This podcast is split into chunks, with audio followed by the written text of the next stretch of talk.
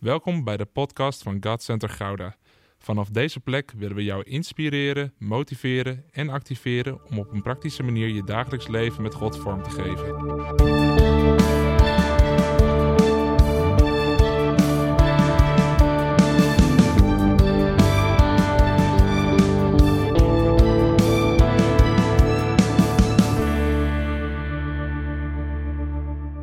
Goedemorgen, fijn om uh, hier weer zo te mogen zijn. Inderdaad, we hebben net heerlijke worship met elkaar gehad en daarvoor al heerlijk met elkaar mogen bidden. En dat was ook echt heel krachtig. En uh, ja, ik weet niet hoe u hier gekomen bent of, u, ja, of hoe u zit hier deze morgen. Maar ik heb gelijk al een eerste vraag voor jullie. Want uh, ik dacht, laat ik eens even anders beginnen. Wie wil hier gebruikt worden door God? Maar het zijn nog niet alle handen. Ik ga het nog een keer vragen. Wie wil je allemaal gebruikt worden door God? En dan op de manier hoe hij dat wil. Geweldig. Daar gaat deze boodschap namelijk over. En hij heeft uh, ons allemaal geroepen. Hij heeft allemaal een plaats voor ons. Eigenlijk letterlijk gereed gemaakt hier op aarde. We zijn, uh, nou, dat begint met een mooie geboorte natuurlijk. Maar hij heeft een bestemming op jouw leven gelegd. En ja, ik... Uh, Terwijl ik hier met de voorbereiding mee bezig was. Ik heb uh, nou ja, wel heel veel favorieten in de Bijbel, maar ook een van mijn favorieten is de apostel Paulus. En ik vind het heel mooi hoe hij eigenlijk van een Christus uh, vervolger, een volger van Christus werd. En misschien zaten wij er ooit ook wel zo bij, dat we eerst Jezus wel wilden uitspuwen als het ware, dat we niks van hem moesten hebben. En als het goed is, is er misschien ooit één of meerdere personen in je leven geweest die de moed hebben gehad om het evangelie met jou te delen. En ik vind het zo mooi hoe het evangelie dan ook werkt, hoe het ook een kracht dan is in ons leven, dat we hebben de ander wel nodig. En misschien ben jij hier wel christelijk opgevoed. Uh, laat ik bij mezelf beginnen. Ik ben bijvoorbeeld christelijk opgevoed. Uh, nou, mijn ouders waren dan dus christen al. Mijn vader was uh, pastor slash evangelist. Dus daar kon ik nooit omheen thuis. Dus ik ben, uh, ja, het was met mijn paplepel ingegoten. Maar terwijl ik hierover nadacht, dacht ik gelijk... Kijk, het is mooi als je ermee opgevoed bent. Maar ook ik heb ooit in mijn leven alsnog echt wel die persoonlijke keuze toen bij Jezus moeten maken. En dat is gelijk het eerste wat ik duidelijk bij wil neerleggen. Misschien ben jij wel christelijk opgevoed. Gaat het je allemaal goed in je leven? Kom je hier misschien al lang in de kerk, maar denk je toch diep van binnen, ja, ik doe dit omdat het moet, vanuit een soort toch wettisch iets misschien wel, uh, of omdat ik zo opgevoed ben. Maar leeft het echt in mij? Leeft het evangelie zo in mij? Leeft Jezus zo in mij? Ik weet het niet altijd. Dan ja, mag deze boodschap jou bemoedigen, aansporen, activeren ook. En uh, nu moet ik even naar mijn laptop, want dan hou ik ook nog een beetje de lijn aan van mijn preek. Want uh, ik wil graag met een Bijbeltekst beginnen deze morgen. Uh, ja, jullie mogen alvast staan. Ik zal lezen uit Romeinen hoofdstuk 1, vers 4 tot en met 16. En uit de MBV 21 editie. Yes, het staat er al op. Ik sta ten dienste van alle volk, van beschaafde en niet beschaafde, geletterde en ongeletterde. En daarom is het mijn wens het evangelie ook aan u in Rome te verkondigen. Voor dit evangelie schaam ik mij niet, want het is Gods reddende kracht voor allen die geloven, voor Joden in de eerste plaats, maar ook voor andere volk. En normaal zou ik nu zeggen, jullie mogen gaan zitten, maar ik heb gelijk nog een leuke verrassing voor jullie.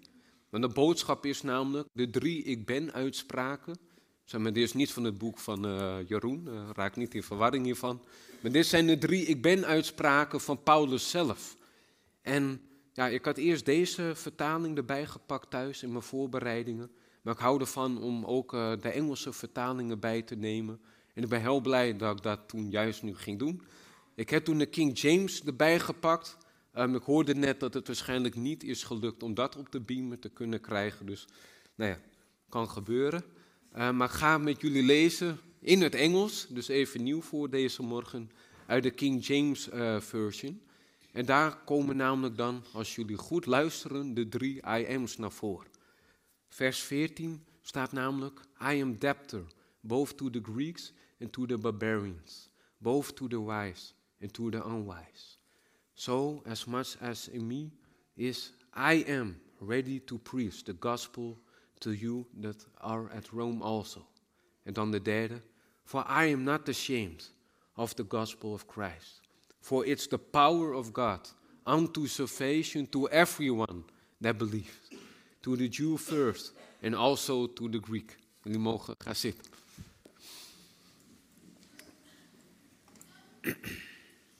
Ja, en uh, hier vielen mij dingen op. Ik hou er altijd van als ik bijbelstudie doe of me voorbereid voor een preek. Om mezelf uh, vragen te stellen. Bij mezelf ten eerste. Want ik zeg altijd, als je preek maakt, dan is het altijd als het goed is voor jezelf. Uh, en dat het jezelf ook mag spiegelen. Dat je er zelf ook mag van leren. En ten eerste wat ik heel gaaf vond, opeens, en deze tekst heb ik zo vaak in het Nederlands gelezen, maar opeens kwamen die drie IM's zeer sterk naar voren. En ik heb ze voor u deze morgen, voor degenen die meeschrijven onder ons, heb ik het in drie punten verdeeld. Ten eerste, en deze klinkt een beetje zwaar, maar ik ga hem straks uitleggen. Maar het is vanuit zijn genade dat we dit allemaal mogen doen. Uh, maar toch, ik heb deze zo genoemd. Ik sta onder een verplichting of onder slechts een schuld. Punt 2. Ik ben gereed om het woord te zenden, slechts te prediken. En punt 3. Ik ben niet beschaamd. En ik zal beginnen bij punt 1. Ik sta onder verplichting.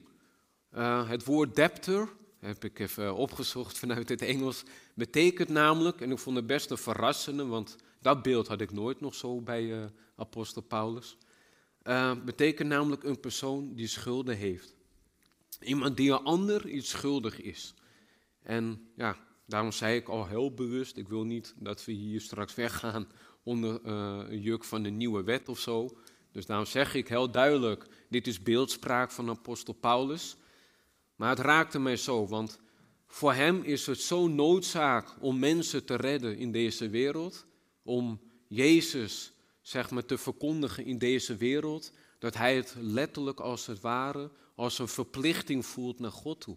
En dus niet vanuit een wet, niet vanuit iets vervelends, maar daar komt het juist vanuit een passie, vanuit een hartsverlangen, wat ten eerste begint voor de liefde die hij voor Jezus heeft. En voor degenen die apostel Paulus niet kennen, wat ik al zei, hij startte ooit eerst, zeg maar, hij zat in zeer hoge regionen bij de Fariseeërs was een heel goed geleerd man. Sommigen zeggen wel eens dat hij wel eens uh, moeilijk, uh, beetje, ja, zeg maar, moeite had om het woord te verkondigen. Maar ik denk wel eens, nou ja, als ik al zijn boeken lees, weet ik dat niet zo. Want als ik zijn wijsheden zie, hoe hij door de Heilige Geest zo heeft mogen opschrijven, dan denk ik dat we heel veel mogen leren van apostel Paulus. En um, ja, als ik dan dat zo zie, Zeg maar, waar hij vandaan komt, hè, dat is ook een belangrijk. Hier stond hij namelijk onder iemand anders. Onder, ja, ik noem het maar even gewoon bij de naam. Onder de boze, onder de duivel. En terwijl hij onder die macht zat, onder die greep van religie, dacht hij dat hij zo dicht bij God was, of bij zijn God was, laat ik het zo maar noemen. Hij dacht dus dat hij goed bezig was om christenen te vervolgen. En ja, ik hou ervan om altijd te spiegelen. En dan denk ik als hij nou, we, kunnen een snel vingertje naar hem wijzen als we dat lezen. Van nou, nou, van, wat een voorbeeld is dat? Maar heel eerlijk, toen ik Jezus nog niet had aangenomen als mijn redder en verlosser, hoe goed ik ook dacht dat ik als mens was, stond ik sowieso onder de zonde. Want als het goed is, zijn we allemaal hier als baby gekomen. En dan zijn we gewoon, ja, daar kunnen we helaas niks aan doen. Maar dan zijn we al in zonde geboren. En we stonden ja, ik heb dit niet eens opgeschreven, maar ik vind dit gelijk wel mooi. Daarin stonden we dus onder een andere verplichting, onder een andere werkgever, als ik het zo mag noemen. Uh, en om me bij mezelf te houden, daar deed ik nog de werken van de duisternis. Van de dingen die God helemaal niet voor mij bedoeld had. Ook de woorden in mijn mond waren niet altijd van God. Ook al ben ik wel christelijk opgevoed. Um, ik had best wel wat scheldwoorden soms in mijn mond voor bepaalde mensen. Uh, ik hield ook nog wel eens een beetje voor stoei op het schoolplein. Laat ik het netjes houden. Uh, ik hoop nou niet dat jullie helemaal een verkeerd beeld van me krijgen, maar, maar in ieder geval, uh, God is genade, daarom sta ik dan nu hier. Maar, maar, ik kom ook ergens vandaan. En ik wilde be bewust zo bij jullie neerleggen van, wees niet te streng voor jezelf en veroordeel jezelf niet te snel. Want dan mag je zelf onder, ja, jezelf afvragen onder welke verplichting je dan staat. En ja, ik vond het woordje eerst best wel zwaar. In mijn voorbereiding dacht ik veel na van ga ik juist wel dat woordje verplichtingen bijzetten. Want heel eerlijk, ik hou er zelf namelijk niet zo van. Ehm, vooral toch vanuit de kerksferen. Uh, ik ben in ook wel wat kerken geweest, ook in kerken waar dit wel heel erg werd gepoest vanuit de verplichting. Uh, je moet om de gebedsdiensten komen, je moet altijd mee met evangeliseren, je moet op de zondagen zijn. En als het kan, het liefst zien we je gewoon zeven dagen in de week in de kerk. En ik had daar moeite mee, want ik voelde daarbij een stuk liefde, miste daar een beetje voor mij. En laat ik er gelijk wel bij zeggen, met het woord moeten is op zichzelf helemaal niks mis mee, zolang het een wettisch iets wordt. Zolang het maar niet vanuit de religie gedaan wordt. En daarom, terwijl ik zo met God in gesprek was, want dat zeg ik altijd, als je aan het bidden bent, of als je met je voorbereiding bezig bent, dan mag ik praten met God. Dan mag ik aan hem vragen van Heer, woordverplichting. Ja, vanuit mijn achtergrond vind ik dat best lastig. Moet ik dat dan juist nu wel gaan noteren in mijn preek voor deze morgen of juist niet? En hij zei juist tegen mij, ik wil juist dat je het wel opschrijft. Want ik geloof dat er veel kinderen van mij uh, de verplichting door een negatieve ervaring zo wegduwen dat ze, nou misschien een beetje raar wat ik ga zeggen, maar ik hoor het ook wel eens. Uh, dat ze als christenen kunnen zeggen, juist omdat ik nu een kind van God geworden ben, bepaal ik zelf wel wat ik mag doen. Want ik ben vrij in Christus, ik ben een vrije christen. En ik moet zeggen, hier heb ik dat geluid gelukkig niet gehoord, dus wees niet bang. Dus ik bedoel niet jullie. Maar uh, nee, ik hoorde het dan wel eens om me heen. En God lag dan zo in mijn hart. Van het woord verplichting mag er juist ook wel eens benoemd weer worden, misschien juist in deze tijd. Want wij kunnen soms ook wel eens te vrijzinnig omgaan met de grote opdracht die Jezus voor ons allemaal heeft. En daarom vroeg ik ook als eerste wie gebruikt wil worden door God. En heel eerlijk, als ik vroeger die vraag kreeg, dacht ik altijd gelijk, oh dan moet het misschien op een podium, dan moet het allemaal gelijk groot, moet het eng en spannend, moet het uh, altijd uit je comfortzone. Nou, ik moet zeggen, dat laatste, dat klopt wel. Ja, want dat is de reden dat ik hier nu ook sta. Dat had ik vroeger uh, nooit gedaan, denk ik. Nou, nou ja, prijs God daarvoor. Um, maar ja, als we hier zo naar kijken, moeten we even denken waar ik was gebleven trouwens, in mijn enthousiasme. Oh met het woord verplichting, van waarom dat juist wel meer benoemd mag worden daarin. Kijk, als wij de urgentie niet meer voelen, als wij de roep nooit meer horen vanaf een podium bijvoorbeeld, of vanuit je livegroep, of vanuit ja, welke afdeling je ook komt in de kerk. Als wij nooit meer die roep horen van Jezus, van om het verlorene te gaan zoeken, om hun op te zoeken. Dat is iets, uh, iets actiefs. Um, zo was het wel gaaf trouwens, dinsdag. Uh, ik geef ook training hier sinds kort. En we hadden het over de Heilige Geest. Het belang van de Heilige Geest en hoe die ons wil gebruiken. En het interessante is, en ik herken het heel erg, en daar is niks mis mee. Er was een uh, mooie oudere vrouw in ons midden. En die zei: Ik stap er meer in uit nu, in mijn daden. Gewoon in dingen doen voor de mensen om me heen. En de mensen weten me te vinden. En daarin weten ze nu ook steeds meer dat ik een christen ben. Ik vond het eerst heel spannend om dat te gaan doen überhaupt. Maar ik doe dat nu. En toen dacht ik, wauw, wat mag ik daar veel van leren? Maar zelfs in de daden doen kunnen we wel eens blind zijn. Ik uh, ja, ga hem toch maar benoemen. Zie daar iets wat minder mooi uh, ja, sjaaltje hangen. Iets met Ajax. Voor mij, uh, nou ga niet te veel woorden aan vuil maken. Daar hebben we een mooi schoonmaakmiddel voor Ajax. Maar uh, nee, sorry. Vergeef me Ajaxide, sorry. Uh, de veelkleurigheid van God is dat ook, hè? ook misschien in sport. Maar, uh, maar terwijl ik hier zo aan het nadenken was, Feyenoord, dat vind ik zelf dan weer een mooie club. Maar die, die, hebben wel een verkeerde gezegde, vind ik. Geen woorden, maar daden. En dat klinkt allemaal heel mooi, klinkt gaaf. Geen woorden, maar daden. Nou ja, ik zal me eerlijk zijn, de daden blijven helaas een beetje achterwege ook. Maar dat, dat, dat duurt ook uh, weer wat jaartjes. Maar, uh. maar 25 mei, misschien pakken we dan de beker. maar goed, nee, maar geen woorden, maar daden. En toen dacht ik, als ik naar de Bijbel kijk, als ik naar dit woord kijk, geen woorden, maar daden, klopt dat niet. En dan geef ik het voorbeeld aan met alle respect van die vrouw. Wat ik heel mooi vond, het gaat namelijk samen. Maar zij vindt het stuk woorden, vond ze gewoon eng, zei ze nog, en dat mag. Maar ze zei, ik doe het nu wel in mijn daden. En daarmee hoop ik dan in de gesprekken die ik dan heb, dan ook voorzichtig aan te kunnen getuigen. Maar geen woorden, maar daden. Dan denk ik, en dan hou ik het weer bij mezelf. Vroeger was ik heel erg alleen van de daden doen. Dan wou ik graag wat klusjes doen met de kerk waar ik zat. En ik zal eerlijk met jullie zijn, weet je waarom? Ik vond het veilig. Ik vond het veilig als ik bij mensen kwam ja, die helemaal Jezus niet kenden. En ik voelde me aan, oeh, ja, misschien moet ik nu echt wel getuigen over Jezus. Hoe moet ik wel bijbelteksten uit mijn hoofd kennen, waar ik helemaal ja, toen echt niet uh, altijd zo goed wist. Ja, kom ik bij een onbekende binnen en ja, hoe gaat het dan? Uh, heel eerlijk, het zweet stond echt helemaal om mijn voorhoofd. Was er zo zenuwachtig, ook vroeger met evangeliseren, was ik gewoon echt heel bang. En door die ervaring ging ik het dan maar vroeger in praktische zaken doen. Maar heel eerlijk, uh, en ik hoop dat we eerlijk durven te zijn, ik begin daarmee en dan mogen jullie daarin volgen. Van denk eens na, wat vind je enger? Dingen ook letterlijk uitspreken bij je ene misschien wel vervelende collega, bij je moeilijke familielid misschien wel, die Jezus helemaal niet kent, die er niks van moet weten. En durf je dat dan ook bij God neer te leggen. Uh, vanochtend was er iemand in het gebed, die zei het zo mooi. Van Jezus is als een vriend. En dan denk ik daarbij, een hele goede vriend, mijn beste vriend zelfs, daar durf ik alles mee te bespreken. En dat is wel een goede voor deze ochtend. Durven wij echt alles te bespreken met Hem? Durven wij ook onze pijn en moeite te bespreken met Hem? Misschien ben je al jaren aan het bidden voor iemand die nog niet tot Jezus is gekomen. Misschien doe je hele goede daden voor die persoon, maar blijft het woord nog een beetje achter.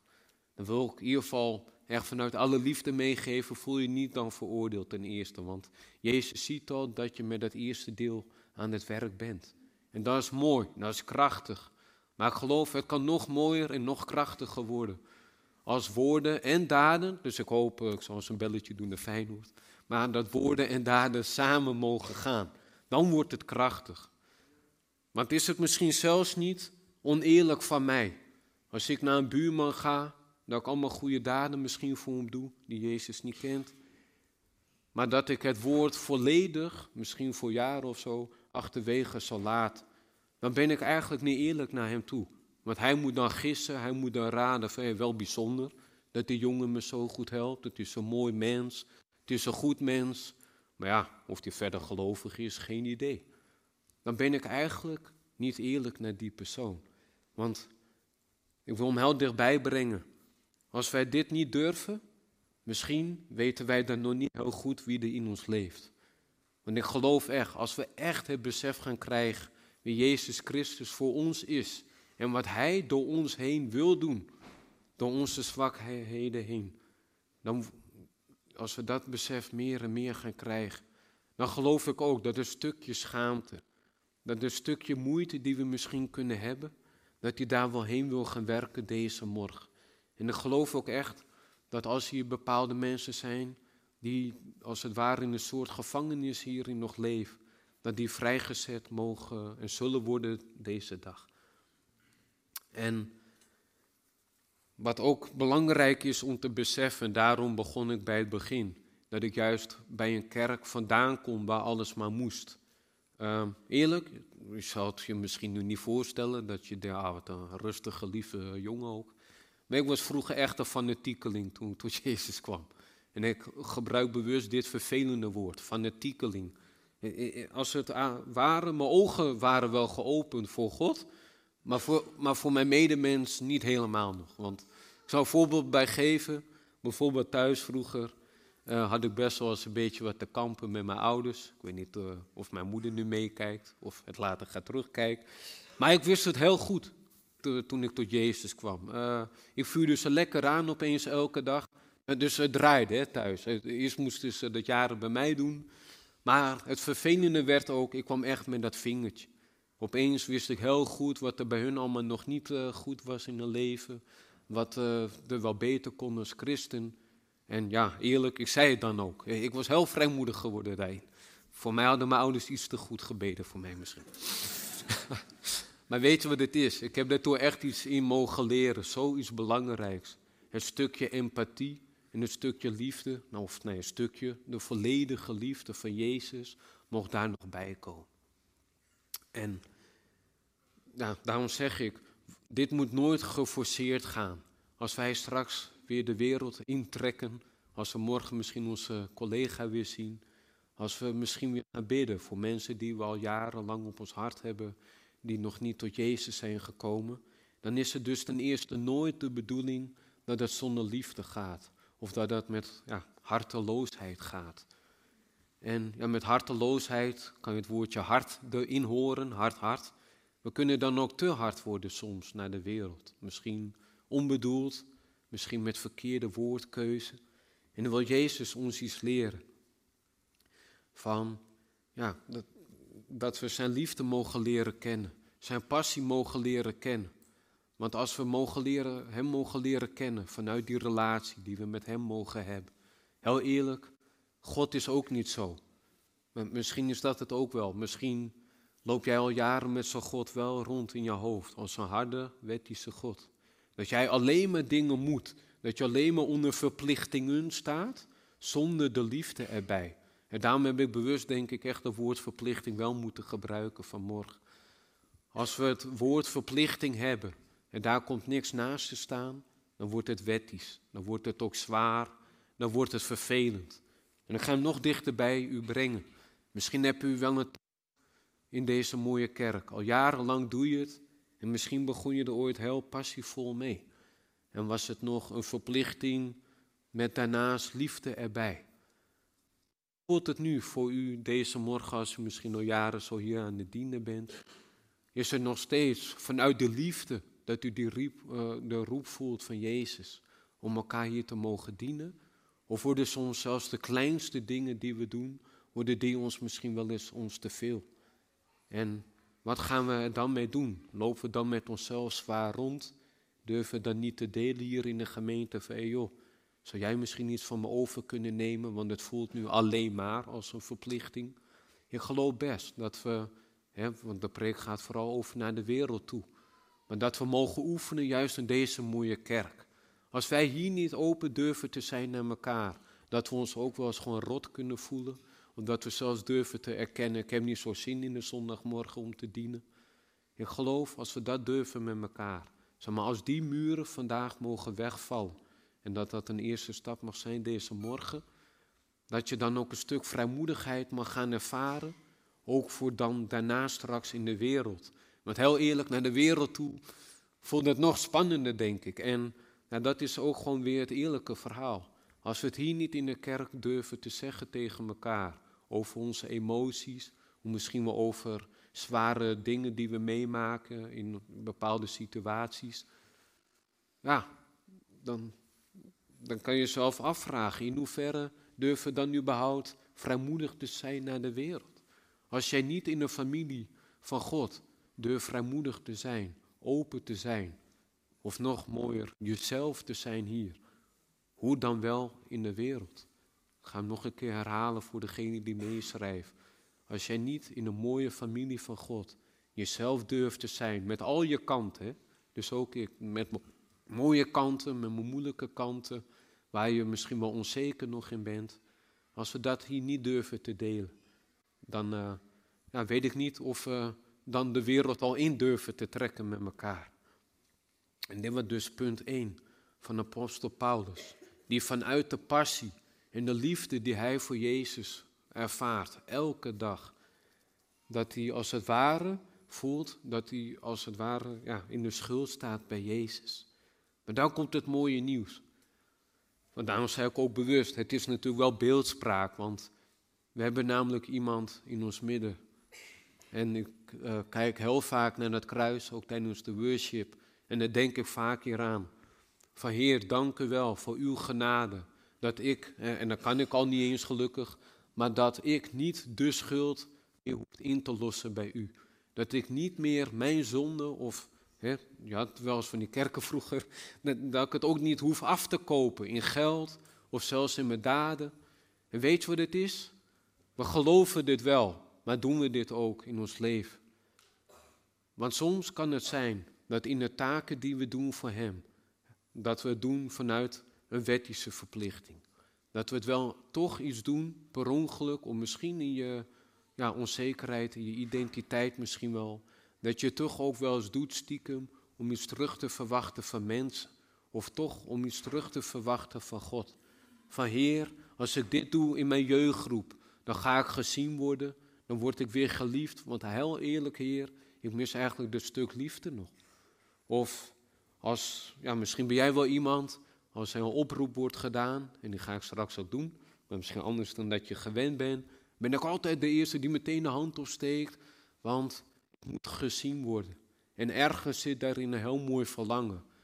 Want laten we eerlijk zijn deze morgen, hoe jij hier zit, we willen allemaal gezien worden. Ik hoor wel als mensen, dat is weer de andere zijde, oh nee, dat hoeft voor mij niet hoor, ik hoef niet gezien te worden. Dan hoor ik dus juist wel die roep van ik wil gezien worden stiekem, maar misschien niet op een groot podium. Laten we verder gaan naar punt 2. Ik ben gereed het woord te zenden of te prediken. Ik doe bewust of, want ik geloof echt niet, uh, en dat hoeft dus ook helemaal niet, dat iedereen gelijk vanaf na deze dienst allemaal gaat prediken. Maar ik geloof wel dat we het verlangen mogen hebben, en dat hoeft niet per se, want dan wordt zo vaak in kerk ook al gelijk weer ingekaderd in boksen. Hiermee zeg ik dus niet dat iedereen vanaf vandaag de straat op moet gaan. En dat het in zo'n uh, vorm gevuld moet worden. Vooral alleen op zo'n manier, dan doe ik nu wat er gezegd is en dan doe ik wat God van mij vraagt. Nee, dit gaat veel verder. Het begint al met ik ben gereed. En ik vind het best wel zo'n moeilijke, want in hoeverre, als ik naar de apostel Paulus keek, al zijn woorden, wat hij zei, dus geen Feyenoord uitspraak, van, uh, van wel woorden en wel daden doen ook. Ik zie dat bij hem. Als ik zijn hele leven bekijk van apostel Paulus, zeg maar, het mocht hem letterlijk alles kosten. Het mocht zelfs zijn hele leven kosten. En dat is het eerste wat God in ieder geval tot mij sprak. André, ben jij echt bereid je leven te geven?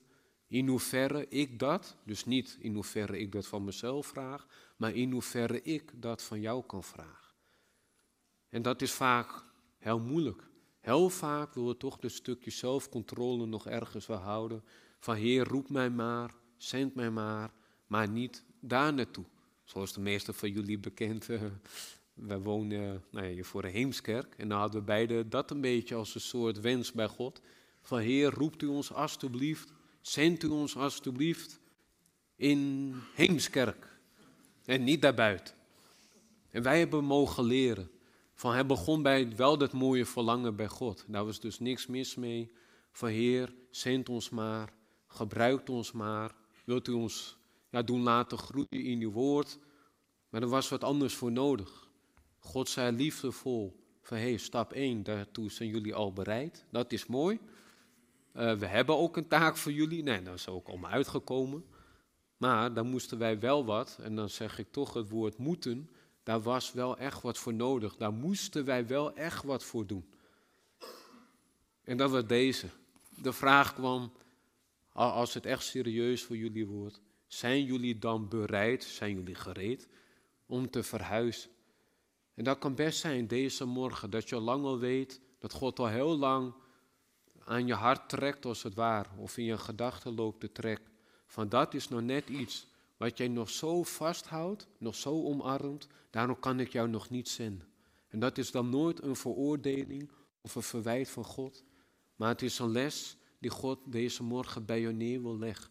Het kan zelfs je partner ook zijn, die je als het ware vasthoudt in de roeping van God, maar ook andersom. Jij kan ook je partner per ongeluk vasthouden voor iets wat hij mag doen voor God. En als het zo dichtbij komt, als God zo dichtbij mag komen deze morgen, als we misschien nog ergens een muur hebben gebouwd om ons ja, een soort veilig gevoel te geven. Ja, als ik dan bij mezelf zo nadenk, in hoeverre is God dan mijn veilige toren? Maar het is mooi, hè? muren hebben vaak een hele negatieve lading. Ik moet zeggen, ik denk daar vaak dan zelf ook zo aan. En dit heb ik niet opgeschreven, maar nu opeens denk ik, nou wauw, God is als een veilige toren voor ons. Maar ik heb nog nooit een toren gezien zonder muren. Maar dat zijn echte veilige muren. Dat zijn niet muren van onszelf. Dat zijn niet muren die we zelf opgetrokken hebben in al die jaren. Maar dit zijn muren die God om jou heen wil bouwen, maar dan wel om je hart en niet om jouw muur. God gaat niet een muur om een muur heen bouwen. Is leuk. En daar mogen we ook wat dus mee gaan doen. Misschien ervaar jij dat wel. Misschien ervaar jij nog wel een stuk muur van Heer, ik wil zo graag uitstappen in dit. Heer, ik uh, heb misschien iemand op het oog, maar ik heb te veel pijn. Ik heb te veel teleurstelling. Heer, neem het van mij weg.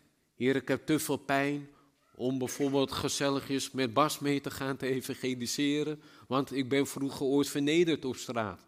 Nou ja, prijs God, want dat is ook wat er gebeurt als je van Hem getuigt.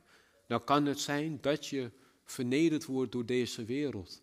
Maar weet je wat het mooie is? Er is dan een hele mooie prijs die op jouw leven rust. Er is zelfs een mooie kroon die op jou wacht. Want dat zien we ook bij apostel Paulus. Als jij bereid bent de prijs te betalen voor Jezus Christus, dan zal je in de hemel straks een veel mooiere prijs ontvangen dan wat het jou nu misschien gekost heeft of nog gaat kosten. En het is goed om daar meer besef van te krijgen. En als ik zo naar apostel Paulus kijk, van ben jij gereed om een woord te verkondigen, te verzenden, toen ontving ik wat moois van God. Want ik vond het best een vervelende preek worden eigenlijk, voor mezelf al. Ik voelde veel van, oh ik moet, ik moet, ik moet, ik moet. Maar Heer, ik, wil niet altijd, ik moet, ik moet, ik moet. Ik, ik, ik wil. En toen zei God me daar precies waar ik nu met jou mee bezig ben. Ik wil voor jou. En ook voor jou hoe jij hier zit. Als jij dingen ervaart vanuit het moeten, dat het vanuit het moeten naar het willen gaat worden. Maar het mooie is ook, dat staat ook in Gods woord, van Hij alleen, door de Heilige Geest, bewerkt in ons allemaal, maar wel in hoeverre wij die ruimte geven aan de Heilige Geest. Het willen en het weten. En dan zegt het al, het willen, niet het moeten. Hij gaat niet bewerken dat we voor alles moeten straks, maar Hij wil onze wil bewerken. En als wij zoveel van Jezus houden, als we zo'n passie hebben voor Jezus Christus, dan kan het niet meer zo zijn voor mij, laat ik bij mezelf, dan mag het voor mij niet meer zo zijn dat ik steeds minder bereid ben om misschien juist naar die moeilijke collega te stappen. Om misschien als ik op straat iets ontvang voor een ander, ook is het gewoon een mooi liefdevolle woord voor iemand, dat ik denk, heer, ja, maar ik heb daar nu gewoon geen zin in. Ik ben laat thuis voor niets, ik ga naar huis. En ik vond het een mooie, zoals dinsdag. Ik hou vaak om het praktisch te maken, om het dichtbij te brengen. Dinsdagavond hadden we een prachtige training weer. En het was al best laat, zeg het werd uh, tot tien uur. Ik was moe. Ik had veel te doen die week. Ik had mijn preek voorbereid. Ik had die training ook nog voorbereid. Allemaal druk, druk, druk. Maar ik had er wel heel veel zin in. Ik had super veel zin in die trainingsavond. En ik schrijf nog veel dingen op over die training. Maar ook veel dingen schrijf ik bewust niet op. Om gewoon daarin ruimte te laten voor de Heilige Geest. Van Heer, als u wat wil spreken, doet u dat. Nou, en ik kan u wel zeggen, dat deed hij nogal. Hij sprak namelijk mensen aan op die avond die diep geraakt werden. En ik had geen idee nog, want het ging vooral over gewoon leven met de Heilige Geest, punt. Maar helemaal niet over zondebeleiden of zo, althans dat had ik niet genoteerd. Maar ik ervoer opeens wel sterk dat ik dat uh, moest zeggen op die avond. En dit vond ik een mooie, want kijk, bereid zijn, kunnen we heel gauw kijken, oh in hoeverre ben ik bereid naar de wereld toe. Maar in hoeverre zijn we bereid hier in deze kerk? In hoeverre, als jij een woord hebt voor een broer of zus, durf jij dat te delen hier in een veilige setting? Of heb je de energie? Of laat je je vlees of de geest spreken? En heel eerlijk, ik was die dinsdagavond best grappig. Voor de training best wel moe. Maar toen ik eenmaal daar lekker bezig was, was het allemaal weg. Ik kreeg heel veel energie. Maar ja, toen kwam het. Hè. Toen was het tien uur, de training was afgelopen. Ik ging uh, mijn laptop al dichtslaan. Ik vouwde mijn uh, laptoptasje dicht. Ik zo, ga gauw naar huis. Totdat mensen bij me kwamen. En iedereen ging weg. André, we willen echt iets persoonlijks met je delen. We zitten met moeilijke dingen, met bepaalde zonden ook. Waar we al jaren mee lopen. En toen dacht ik, oef, gewoon hier in deze kerk. Jaren met iets rondlopen wat je niet durfde vertellen. En eigenlijk, uh, het raakte me heel diep. Want ik was gelijk niet meer bezig van, oh, ben moe, ga lekker nu om tien uur naar huis. Ik was dat helemaal vergeten. Nou ja, letterlijk vergeten. Maar dat was zo. We hebben toen een prachtig gesprek gehad die avond. En ik mocht voor die beide mensen bidden, ook voor bevrijding. En ik zag het gelijk al, zelfs in het gesprek, zei ik ook tegen die mensen, je bevrijding begint nu al, omdat jij de moed neemt om dit in het licht te brengen. En als we dingen niet in het licht durven te brengen, stelt God je ook gewoon eerlijk die vraag, in hoeverre ben je al helemaal vrij? Want ik wil dat jij volledig vrij bent, niet een stuk. Ik zeg altijd van God doet nooit half werk, maar God wil volledig werk doen. Maar hij wil dat wel samen met ons doen en hij heeft u daar wel bij nodig. Dus stel die vraag maar alvast bij jezelf. In hoeverre ben ik vrij? Maar ik heb het toen mogen zien. Hoe het in het kleine al zit. Stel dat ik dinsdag niet bereid was geweest vanuit mijn moeheid. Of vanuit mijn vlees van Heer, ik heb al zoveel moeten doen, moeten doen. Zo voelde het dus niet. Want ik vond het heerlijk om het te mogen doen, al deze dingen deze week. Maar stel, ik had die laptoptas snel dicht gedaan en ik was weggefietst. Heel eerlijk, als ik achteraf dan die mensen had moeten horen, een paar weken daarna, van ik zit hier nog steeds mee, maar omdat jij wegfietste, durf ik het nu ook niet meer tegen je te zeggen. Dan denk ik dat ik heel verdrietig was geweest. En dit is de oproep die God bij je wil doen. Beseffen wij wel als wij nee zeggen tegen een ander. Ten eerste zeggen we nee tegen God en niet vanuit een veroordeling, maar vanuit een liefdevolle vermaning. Ten eerste zeggen we de nee tegen zijn roepstem. Sterker, eigenlijk ben je op dat vlak dan ongehoorzaam. Ik uh, hoop dat ik hier mag preken. Het is heel stil. En misschien is dat juist wel heel goed, want dan uh, worden we misschien wel geraakt. Maar dat is wat God tegen mij zegt. In hoeverre, als jij steeds iets niet wil van mij, in hoeverre ben je mij dan ook gehoorzaam? En niet vanuit iets wettisch, maar vanuit de liefde. Ja, als, mijn vrouw liefdevol iets zou zeggen, wil je voor mij een bakje koffie doen? Zou het toch best wel raar zijn als ik zeg, waarom? Dan doe het lekker zelf en, doe mij ook maar een bakje koffie. Kijk, nou, maar, nou, maar kijk, we lachen hierom, hè. Maar als ik naar mezelf kijk, doen we dit wel eens bij God. Dus wel voor het karretje van Heer, u moet dit doen, u moet dat doen. Maar als die iets van mij vraagt, wil je dit doen? Dan zeg ik heel makkelijk, nee, nu even niet. Ik heb hier geen zin in. Of nee, hier zeker niet bij die persoon hoor, uit mijn familie. Poeh, van moet ik die... Uh, nee, nee, nee. En zo heb ik nog een voorbeeld over gereed zijn om het evangelie te delen. Gewoon heel simpel. Iemand heeft, mijn familie is jarenlang geen christen geweest. Echt geen, geen christen geweest. Ondanks dat we allemaal mooi gelovig opgevoed zijn, daarom zei ik het bewust ook zo. Uh, wil het niet zeggen dat je daarmee automatisch een kind van God wordt.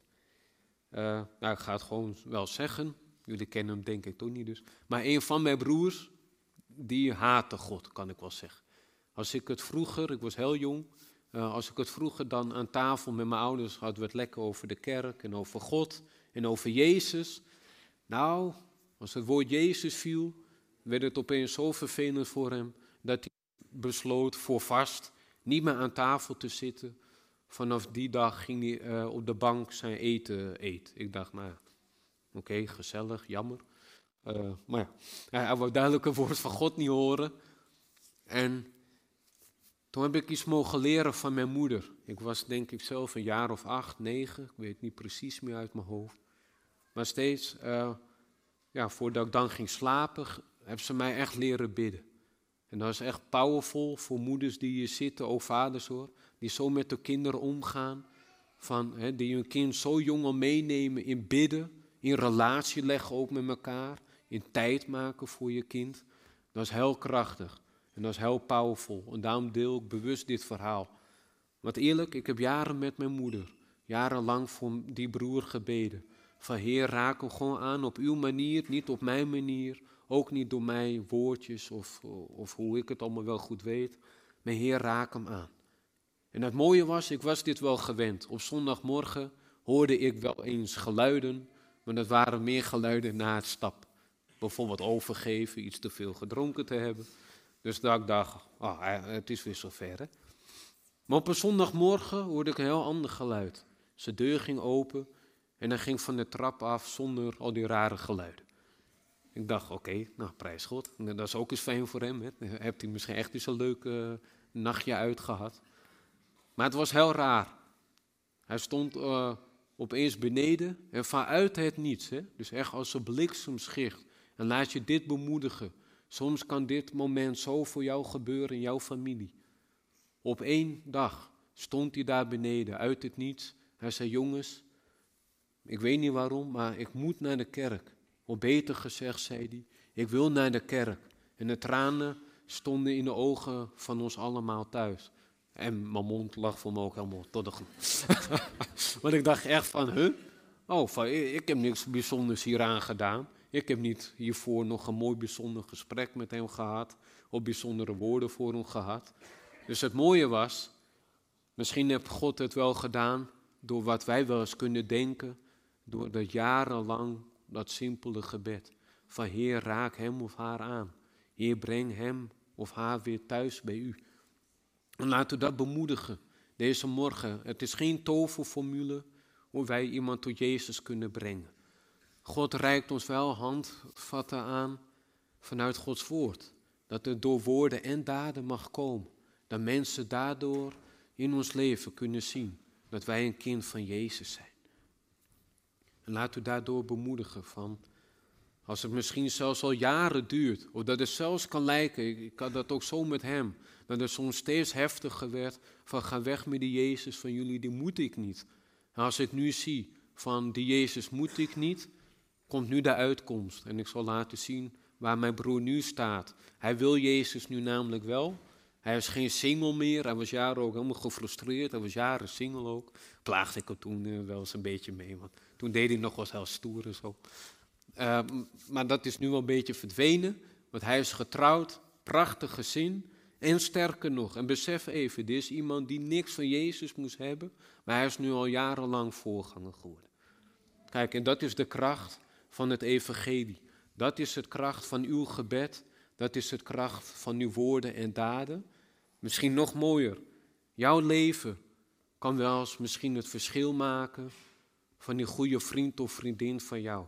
Jouw leven, jouw woorden ook, kunnen zo'n impact maken. Ik denk wel eens, en ik kan wel eens ja, God daar vergeving om vragen.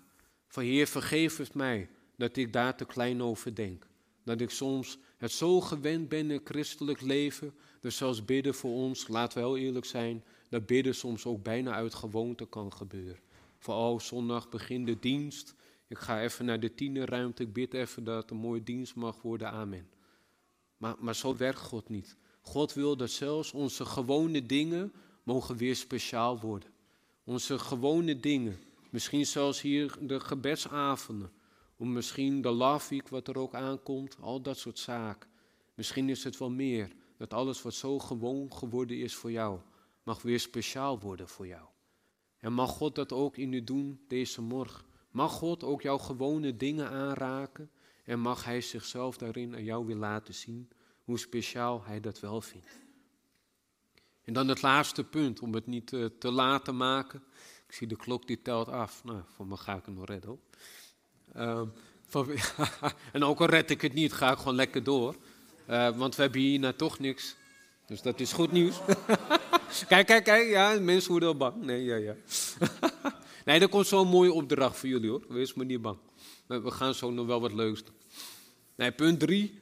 Ik ben niet beschaamd. En ik hou van taal en terwijl ik deze zin zo las, raakt het mij gelijk. Van, ja, dit zijn de ik ben uitspraken van Paulus. En dat gaat hier over zijn identiteit. Dus niet alleen maar over de dingetjes die hij doet. Daarom begint hij ook met ik ben. En dat vond ik al het eerste mooie inzicht. Hij praat vanuit wie hij is in God. Hij wist zo goed wie hij was in God. Hij zo'n sterke identiteit opgebouwd door God. En hoe kan hij dan zeggen, dat volgt zo mooi, Ik ben niet beschaamd. Ik vind het grappig. Ik heb dit zo vaak gelezen. Ik ben er helemaal mee opgevoed. En ik las het altijd. Ja, ik ben niet beschaamd. Oh, ik hoop dat ik niet beschaamd ben op een dag. Ik wil op een dag niet meer beschaamd zijn, Heer. Maar dat staat er niet. En, en het viel me opeens laatst op. Het klinkt als een. Zeg maar, het is in de toekomstige tijd ook geschreven, tegenwoordige tijd. Ik ben niet beschaamd.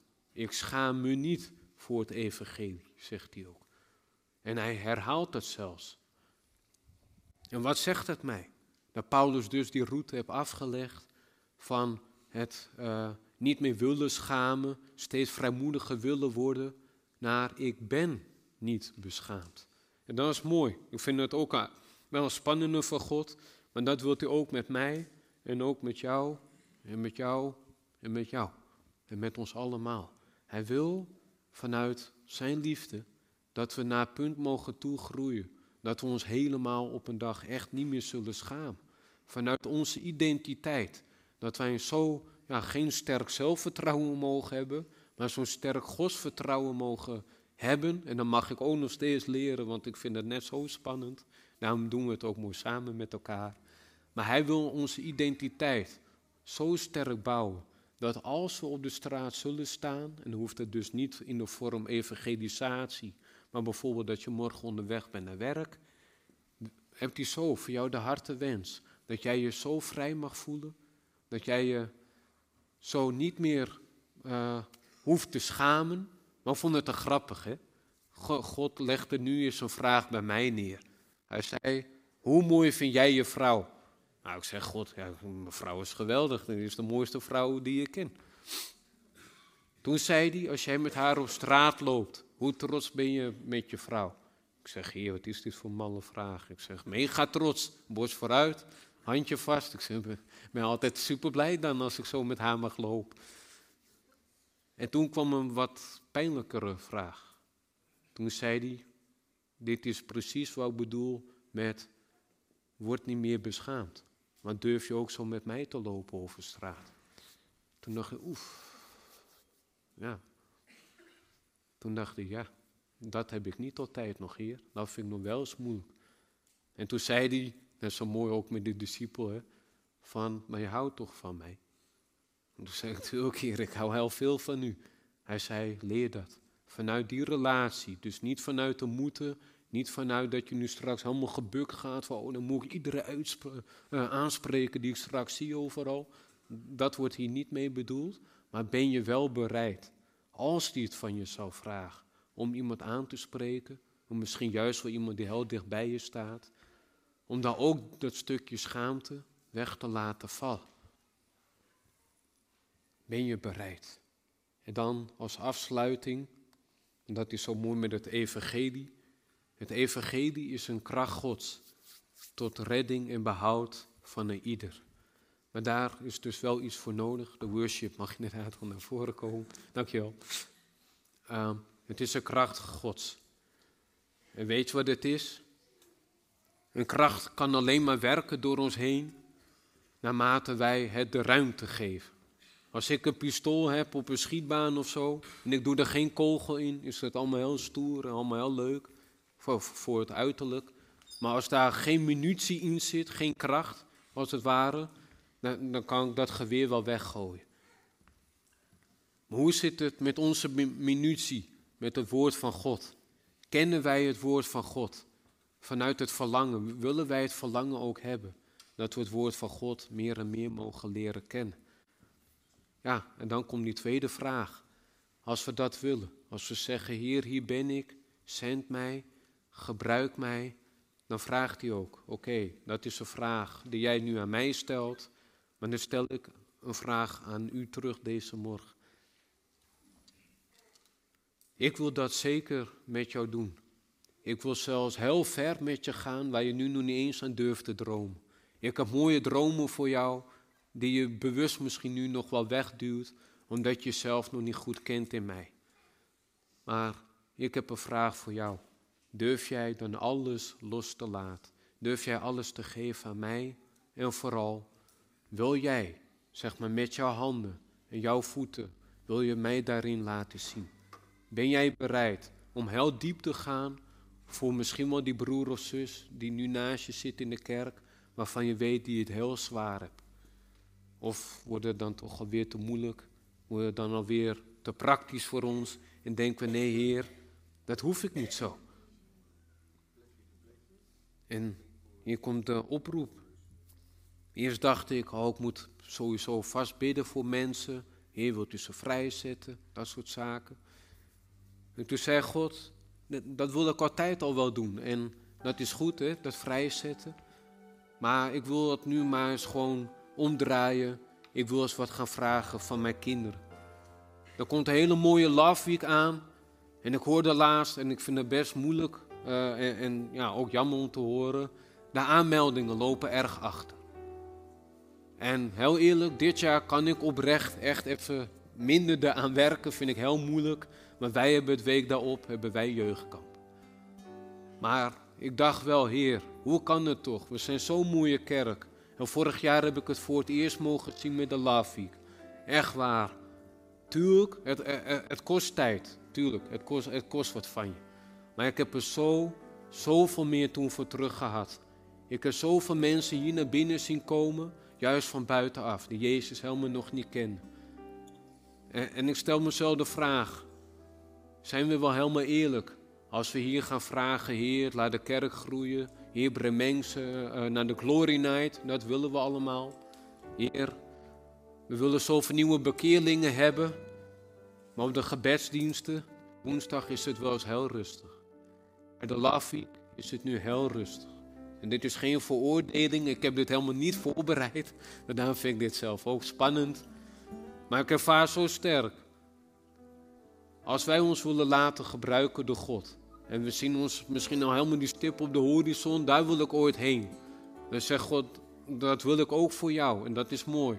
Om een groot verlangen te hebben. Maar het begint wel even bij het begin. Het begint in het kleine. En ik wil bij u de oproep doen. Zijn wij bereid, ook al is het maar een dagdeel, een ochtend, een middag of één dag van uw tijd, zijn wij bijvoorbeeld bereid dat te geven aan een Lafik? Zijn we bereid, misschien als je een stuk evangelisatie zo lang op je hart hebt, dat je zo graag de straat op wil, maar je durft gewoon niet. Durf je dan bijvoorbeeld bij onze broer Bas die hier zit, of Martijn Kruid ook, durf je gewoon bij zo iemand dat is eerst te delen? Van hé, hey, wil je voor me bidden? Ik zou zo graag met je mee willen, maar ik weet niet hoe. En dat de Bas heel simpel kan zeggen: Laten we beginnen bij het begin. Je wil met me mee? Kom met me mee. Het is zo en zo laat. Dan gaan we samen, trekken we samen op. Soms doen we ook gewoon te moeilijk. Gebruik ook excuses van heer, vind het moeilijk om, om, om met iemand mee te gaan. Maar ik kan gewoon naar mijn broer afstappen en het samen doen. Ik hoef het niet allemaal alleen te doen. En die oproep wil ik doen voor jullie voor de Lavi. Ik ga zeker ook nog wel bidden voor jullie. En ik denk dat er straks ook helemaal na de dienst mag je ook nog naar voren komen als deze boodschap je aangesproken hebt. Of als je ergens een stuk bevrijding voor wil. Ga dat bewust niet zelf nu allemaal doen. Maar ik wil echt die vraag bij je neerleggen. Een tweede, dienen Lavik. Maar misschien ook wel dienen in de kerk. Ik vond het zo gaaf om te horen afgelopen dinsdag, die oudere vrouw, die nu zo bereid is om het meer te laten zien in de straat, zei opeens: Hé, hey, ik hoorde laatst dat hier mensen nodig zijn in de kerk. En ik voel steeds meer, mijn werk wordt minder, ik baal daarvan. Maar wat ik wel kan doen, dat wil ik. En toen dacht ik, eh, wauw, wat mooi, een oudere vrouw die zo bereid is om me tijd te geven. En ik zal, ik weet niet of het is ook deze morgen, maar ik zal nog connecten met de koster. Maar zij wil namelijk heel graag, en daar kan het ook gewoon eens bij beginnen. Zij wil graag eerst gewoon eens meewandelen met de koster. Om te zien, hoe is dit voor mij?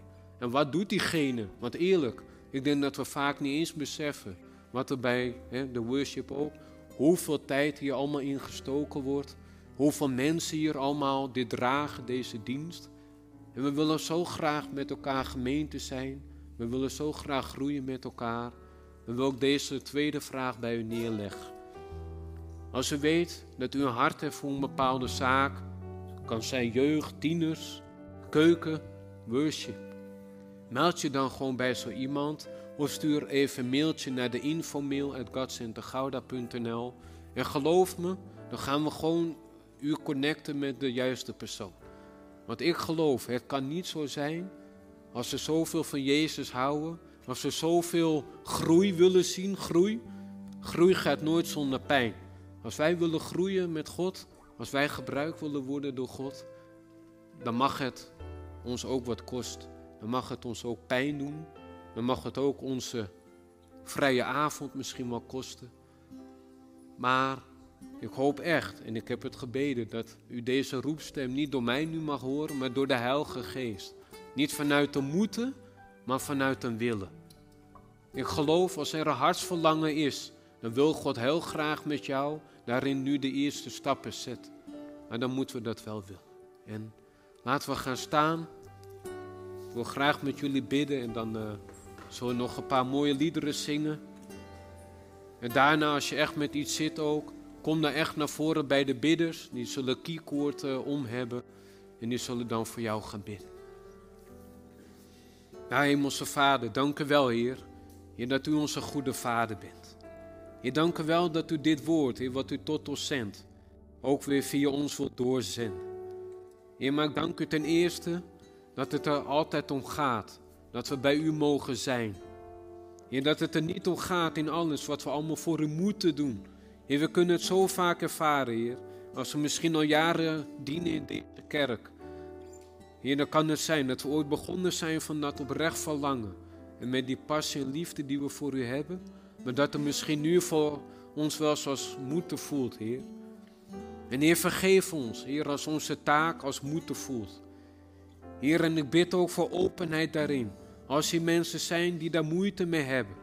Heer, die hun taak niet meer helemaal vreugdevol kunnen doen altijd. Maar omdat het ook gewoon moet gebeuren. En dan bid ik, Heer. Dat we in het licht ook daarmee durven te treden. Heer, dat we durven te delen in ons team. Het zit me tot hier. Heer, neem het van me weg, al die zwaarte, Heer, en al die last. Want Heer, ik wil u dienen met de vreugde voor hart. En Heer, ik wil het niet doen om te verdienen, maar ik wil het doen vanuit mijn identiteit, vanuit het zijn. Heer, dat ik weet wie ik ben in u en daarom mag ik die dingen doen, maar niet andersom. En Heer, u zegt dat ook duidelijk tegen ons. Van u wilt niet voor ons dat wij de dingen doen, omdat we dan bij u wat kunnen verdienen. Of misschien zelfs bij onze broer of zus. Maar u zegt duidelijk van leer mij kennen. Want hoe meer jij mij beter leert kennen, zo leer jij jezelf ook beter kennen. En Heer, dank u wel, Heer. Dat het zo mooi staat in de Bijbel. Dat u door onze zwakheid heen, Heer. Dat dan uw kracht naar voren komt. Dat uw kracht naar boven komt. En Heer, ik ervaar sterk voor bepaalde mensen hier dat u ook zegt. Van ik baal er niet van.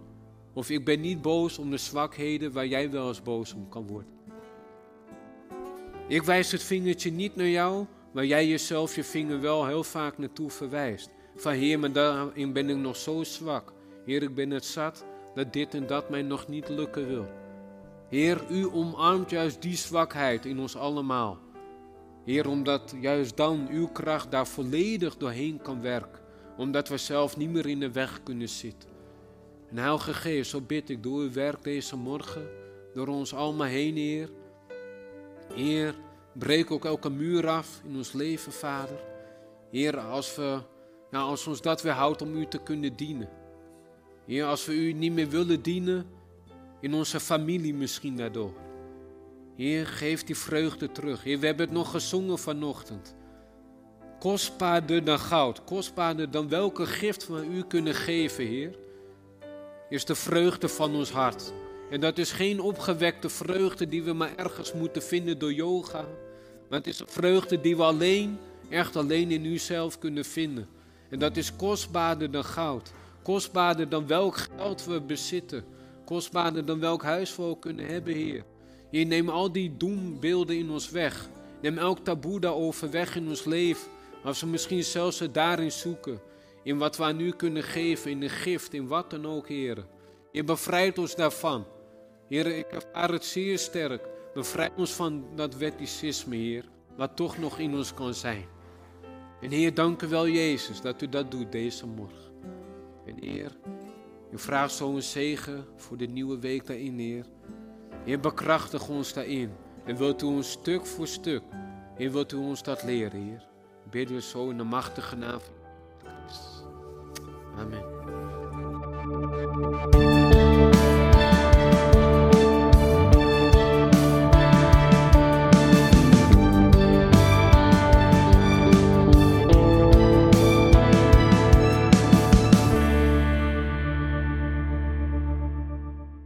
Bedankt voor het luisteren naar deze podcast. Volg ons op onze kanalen om verbonden te blijven. Heeft deze aflevering jou geraakt? Deel dan op je socials en tag ons, zodat we samen meer mensen kunnen bereiken.